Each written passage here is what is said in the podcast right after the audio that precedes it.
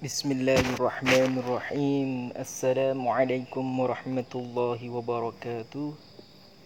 الحمد لله وكفى. الصلاة والسلام على النبي المصطفى وعلى آله وأصحابه أهل الصدق والوفاء. أما بعد Saudaraku yang dirahmati oleh Allah Subhanahu wa taala, akan kita lanjutkan faslun fi bayani arkanis salah.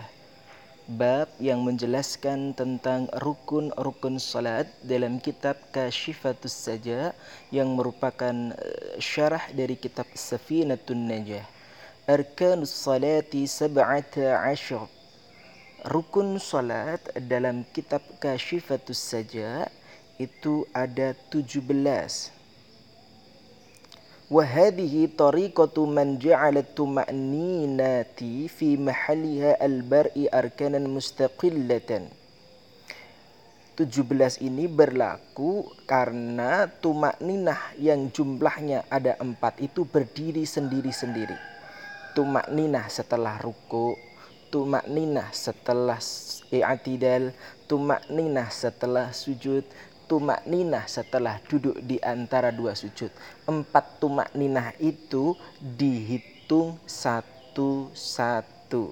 Tidak dihitung satu tumak ninah, tetapi satu tumak ninah setelah ruku, satu tumak ninah setelah i'tidal, satu tumak ninah setelah sujud, dan satu tumak ninah setelah duduk di antara dua sujud. Sehingga dalam kitab Kashifatus saja ini menjelaskan bahwa ruku rukun dari salat itu terdapat uh, 17. Wa'adda ba'dhum kadzalika aidan lakin la bima dzukira bal bi ziyadatil muwalah. Akan tetapi ada juga yang menambah rukun dalam kitab lain itu ada 18. Seperti dalam kitabnya Abu Syuja mengatakan di antara salah satunya adalah muwalah atau terus menerus nuli-nuli kalau dalam bahasa Arabnya. Wa'adahum ba'dum arba'ata asyar. Ada juga yang menjelaskan bahwa rukun sholat itu ada 14 dengan syarat tadi itu makninahnya hanya dihitung satu. Ada yang menghitung wa ba'dum khamsata asyar bi ziyadati qarnin niyati wa takbiratil ihram. Ada juga yang mengatakan bukan 14 takbiratul ihram dan niat itu dijadikan satu menjadi salah satu rukun sholat. Ini ada yang mengatakan 15. Wa minhum man ja'ala. Ada yang mengatakan dia 19 bija'alil khusyu'i ruknan. Yang mengatakan khusyuk itu menjadi bagian dari rukun daripada salat. Nah, jadi ada yang mengatakan 14 rukun salat itu 14 dengan catatan tumak ninahnya itu dihitung satu. Ada yang mengatakan 15 dengan catatan apa? Ditambah antara bersamaan antara niat dengan takbiratul ihram itu menjadi rukun tersendiri. Ada yang mengatakan bahwa itu ada 16 apa dengan mengatakan muwailah atau bersambung. Kemudian 17 bagaimana kitab uh, Kasyifatus saja secara kitab Safinatun Najah dengan mempertimbangkan yaitu empat tumak ninah itu dihitung satu persatu. Ada yang mengatakan 19 dengan ditambah khusyuk sebagai rukun daripada salat itu sendiri. Yang jadi pertanyaan 18 dari rukun, eh 17 dari rukun sholat yang ada dalam kitab Kashifatus saja, Sarada Safinatun Najah itu apa saja? Nah ini yang akan kita bahas satu persatu. Al-awwalu utawi yang pertama. Jadi rukun yang pertama dari niat itu apa? An-niyat ada di sholat itu adalah an-niyatu, niat. An-niyatu ay bil qalbi, yaitu niat melaksanakan ibadah salat entah itu salat subuh, salat duhur atau salat maghrib bil qalbi di dalam hati. Fala yajibu an nutqu biha bil lisan. Tidak memiliki kewajiban kita untuk melafazkannya secara lisan. Lakin yusannu tetapi disunahkan kitab kasifatus saja. Kenapa disunahkan? Liyu'awinal lisanu al-qalba agar lisan kita ketika mengucapkan usalli fardal maghribi, usalli fardal isya'i, usalli fardal subhi dapat membantu mengatur hati kita bahwa kita akan hendak melaksanakan salat.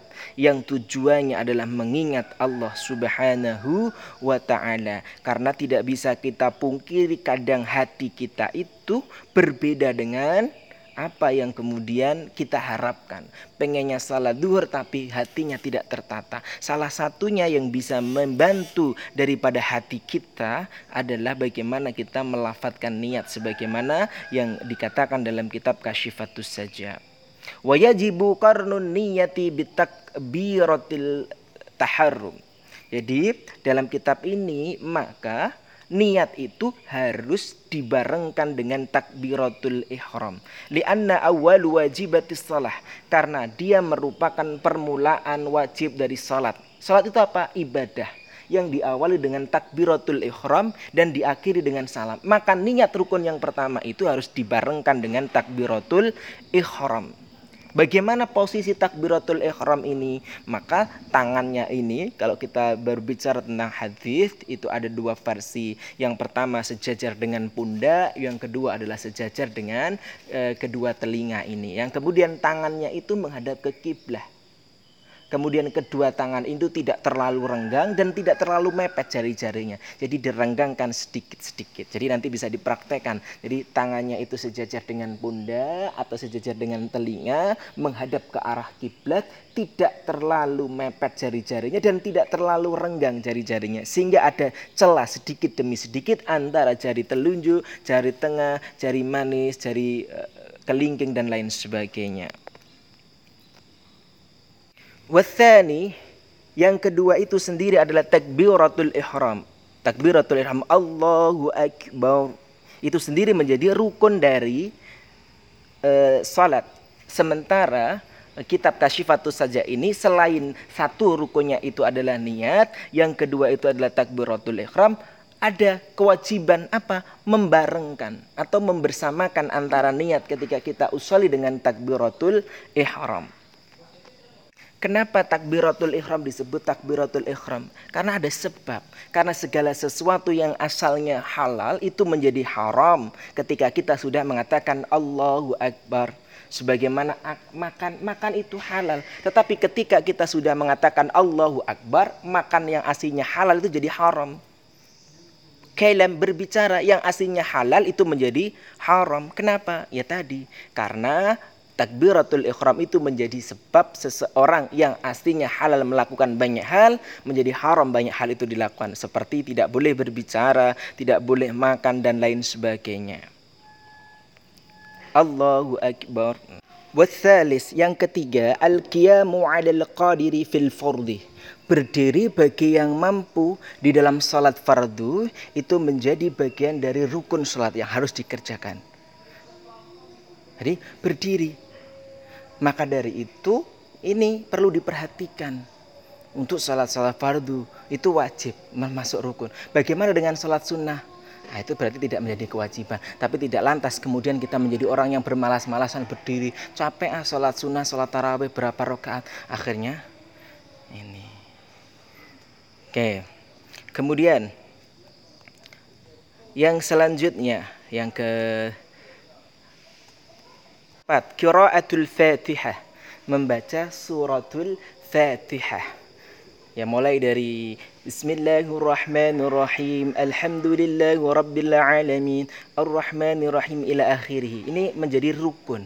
Tapi kemudian masyarakat Indonesia itu menjadi sebuah perbedaan. E, kalau kita baca beberapa referensi literatur itu bagaimana bacaan surah surah Fatihah. Apakah bismillah itu dijaharkan atau bismillah itu disirkan atau seperti apa? Nah, kemudian kalau kita membaca literasi itu dari hadisnya Anas bin Malik itu mengatakan bahwa Rasulullah Shallallahu Alaihi Wasallam membaca Bismillah secara sir, tapi dalam hadis yang lain Rasulullah membaca secara jahar. Kemudian ada pendapat yang ketiga bahwa beliau mengatakan membaca Bismillah itu membaca surah Fatihah itu bismillahnya dijaharkan. Ada ketika misalkan membaca surah Fatihah itu dijaharkan ketika apa? Ya ketika kita tidak mendengar bacaan dari bacaan si imam atau baca bacaan yang kemudian itu e, di sholat-sholat yang disirkan. Maka kita ikut wajib membaca di sini berkaitan dengan apakah kita sebagai makmum wajib membaca surah Al-Fatihah atau tidak. Jadi ketika kita mendengar bacaan dari imam, maka tidak perlu. Kenapa? Ada salah satu hadis yang mengatakan di dalam bacaan imam itu terdapat bacaan si makmum. Tapi kemudian untuk rokaat-rokaat yang tidak didengar, maka kita memiliki kewajiban. Tapi ada yang kemudian berpendapat bahwa la salata liman lam yaqra bi fatihatil kitab. Tidak dianggap sah salat seseorang yang tidak membaca surah Al-Fatihah. Maka golongan ini yang berpendapat membaca surah Al-Fatihah itu wajib baik dia mendengar atau tidak. Jadi kita bisa mengikuti mana yang kita yakini. Jadi membaca Fatihah atau mengikuti bacaan imam ketika kita mendengar bacaan imam. Tetapi kalau kita membaca Fatihah, jangan sampai kemudian mendahului dari bacaan si imam itu sendiri. Bahkan di kitab ini dijelaskan hifdzan, baik bacanya itu hifdzan dengan menghafal, au talqinan atau membacanya itu ditalqin, au nadharan atau membacanya itu melihat fil mushaf. Tetapi itu memiliki kewajiban untuk membaca surah Al-Fatihah itu sendiri. Baik bacanya itu karena sudah hafal atau membacanya itu ditalqin, dituntun maksudnya atau membacanya itu dengan melihat mushaf Quran itu sendiri. Wal khamisu yang kelima adalah ar-ruku, yaitu ruku. Posisi ruku itu dijelaskan bahwa Rasulullah Shallallahu Alaihi Wasallam ketika ruku itu punggung, leher dan kepala itu sejajar, sehingga ketika di situ dikasih air, airnya itu tidak tumpah. Nah itu kalian bisa praktekkan sendiri. Apakah karena banyak sekali fenomena saat ini antara punggung, kemudian leher dan kepala ini tidak sejajar, sehingga ini anggota rukunya tidak sempurna kakinya. Nah, kemudian menghadapnya menghadap ke tempat sujud, bukan menghadap ke belakang atau menghadap ke depan. Posisi menghadapnya itu sendiri rukuknya. Kakinya ini benar-benar lurus. Wa akmalu arba'atu asya. Rukuk yang sempurna itu apa? Tasfiyatu dhari wa ukuni wa krasihi samanya antara punggung, leher sama kepala itu yang pertama. Dianggap rukun eh, dianggap sempurna anggota ruku kita itu kalau salat yang pertama ini terpenuhi. Nasbu rokbahi, rokbatahi apa digenggam itu. Kedua eh, lututnya ini.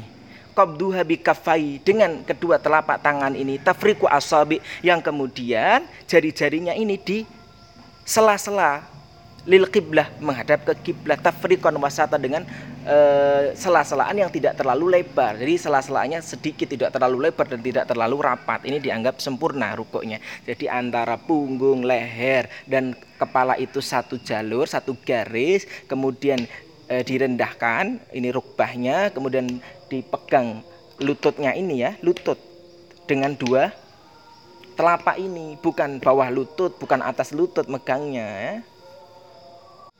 Wa yusannu ayyakulu fi subhana rabbiyal bihamdi. Kemudian ada yang disunahkan ketika kita sedang rukuk itu membaca subhana rabbiyal azim wa bihamdi. Ada juga yang membaca subhanaka allahumma rabbana wa bihamdik allahumma dan lain sebagainya. Ini berkaitan dengan bacaan-bacaan yang dibaca ketika rukuk itu banyak versinya. Silahkan kalian baca mana yang kalian uh, yakini. Wasadisu rukun yang keenam adalah at-tumaninatu, tenang apa itu kategori tenang? Sekiranya kita membaca subhanallah. Itu berarti disebut dengan uh, ruku itu sendiri tumak ninah yang keenam. Wal yang ketujuh adalah i'tidal itu yaitu audul musalli ila ma raka'a minhu kembalinya seseorang yang salat dari apa yang kemudian setelah dia ruku baik itu dia min qiyamin au qu'udin baik dia yang kemudian dari salatnya secara berdiri karena dia mampu atau dia secara duduk dari dia ketika tidak mampu.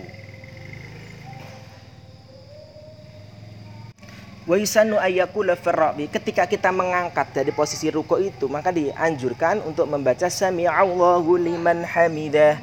Wa fi i'tidali sebenarnya ketika kita i'tidal bacanya Rabbana lakal hamdu mil'us samawati wa mil'ul ardi wa mil'u ma syi'ta min syai'in ba'du. Ada yang lagi ditambahi hamdan katsiran mubarakan fi rabbana lakal ham. Ada juga yang lain dan lain sebagainya. Ini tergantung. Ada yang me, uh, Wasaminu tumak ninatu Yang kedelapan adalah tumak ninah Karena tadi tumak ninahnya dihitung empat Wasujudu marrotaini yang kesembilan adalah sujud dua kali. Posisi sujudnya ini kalau yang disunahkan itu antara kaki kanan dan kaki kiri itu merapat. Tangannya nah, anggota sujudnya itu ada tujuh wajah kedua telapak tangan kedua jari-jari kaki dan kedua lutut ini jadi harus nempel itu jari-jari kakinya ke tempat sujud sehingga tujuh anggota sujud itu terpenuhi apa wajah jabhah ini batuk kemudian kedua telapak tangan kedua rokbah atau kedua lutut ini dan kedua jari-jari kaki. Jadi ada tujuh anggota sujud yang harus terpenuhi. Kemudian kalau disunahkan itu merapatkan antara kaki kanan dan kaki kiri. Kemudian tangannya agak direnggangkan sehingga diibaratkan oleh Rasulullah SAW ketika Rasul sujud itu seolah-olah syat apa anak kambing itu bisa lewat di situ Wal ashiru tuma'ninatu fi. Yang ke-10 adalah tumakninah ketika kita menjalankan sujud. Wal hadiya ashar yang ke-11 al julusu baina sajadatain. Duduk di antara dua sujud. Itu adalah rukun yang ke-11. Kemudian wathani ashar yang ke-12 at-tumakninatu fi. Tumakninah ketika kita sedang melakukan duduk di antara dua sujud sama tuh makninanya. Semisal ketika kita mengucapkan kalimat tasbih subhanallah. Wathalith asyar yang ke-13 at-tasyahudul akhir. Membaca tasyahud akhir التحيات لله. سلام عليك أيها النبي ورحمة الله وبركاته. سلام علينا وعلى عباد الله الصالحين. أشهد أن لا إله إلا الله وأشهد أن محمد رسول الله. وشروطه التسعة. سورة syarat-syarat tasyahud akhir itu ada sembilan. Al awalu isma'un nafsi bih. Dapat kita dengar sendiri bacaan tasyahud akhirnya. Qiraatu qa'idan illa li'udrin. Membacanya itu dalam kondisi duduk ketika tasyahud akhir kecuali dalam kondisi udur. Ayyakuna bil arabiyyati. Hendaknya tasyahud akhir itu dilakukan dengan bahasa Arab. Ada musarifi tidak ada perubahan. Kal fatihah al muwalah yang kelima nuli-nuli. Tidak ada pemisah antara kalimat satu dengan kalimat yang lain. Misalkan at-tahiyatu dipisah dengan kalimat lain. Salamun alaika dipisah dengan kalimat lain. Itu syarat yang kelima. Wasadisu mura'atul huruf menjaga setiap huruf. Apakah ini huruf ha apakah ini huruf kha apakah ini huruf sin? At-tahiyah pakai ha apa kha dan lain sebagainya. Mubarakatus salawat shat apa shin dan lain sebagainya. Mura'atul huruf itu yang keenam. Menjaga huruf mura'atul kalimat menjaga setiap kata-kata yang ada dalam lafaz tasyahud aw akhir tadi. Wathamin mura'atul tasydid menjaga tasydid.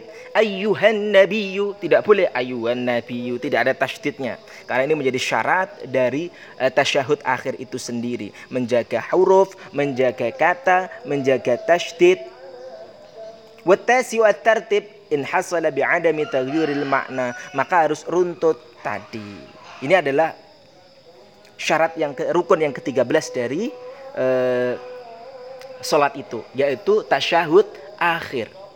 Dan tadi syarat tasyahud akhir ada sembilan yang seperti kita bahas tadi.